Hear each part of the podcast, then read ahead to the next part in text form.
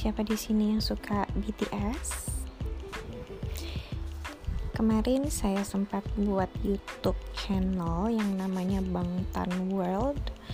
Di situ isinya BTS Run sebenarnya, cuma karena kalau saya pakai nama itu kena copyright dari YouTube, saya pakai nama BTS Variety Show.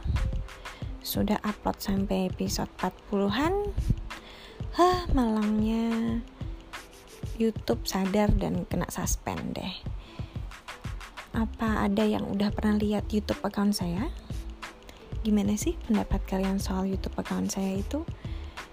Kira-kira perlu nggak saya cari cara lain untuk bisa upload video run BTS?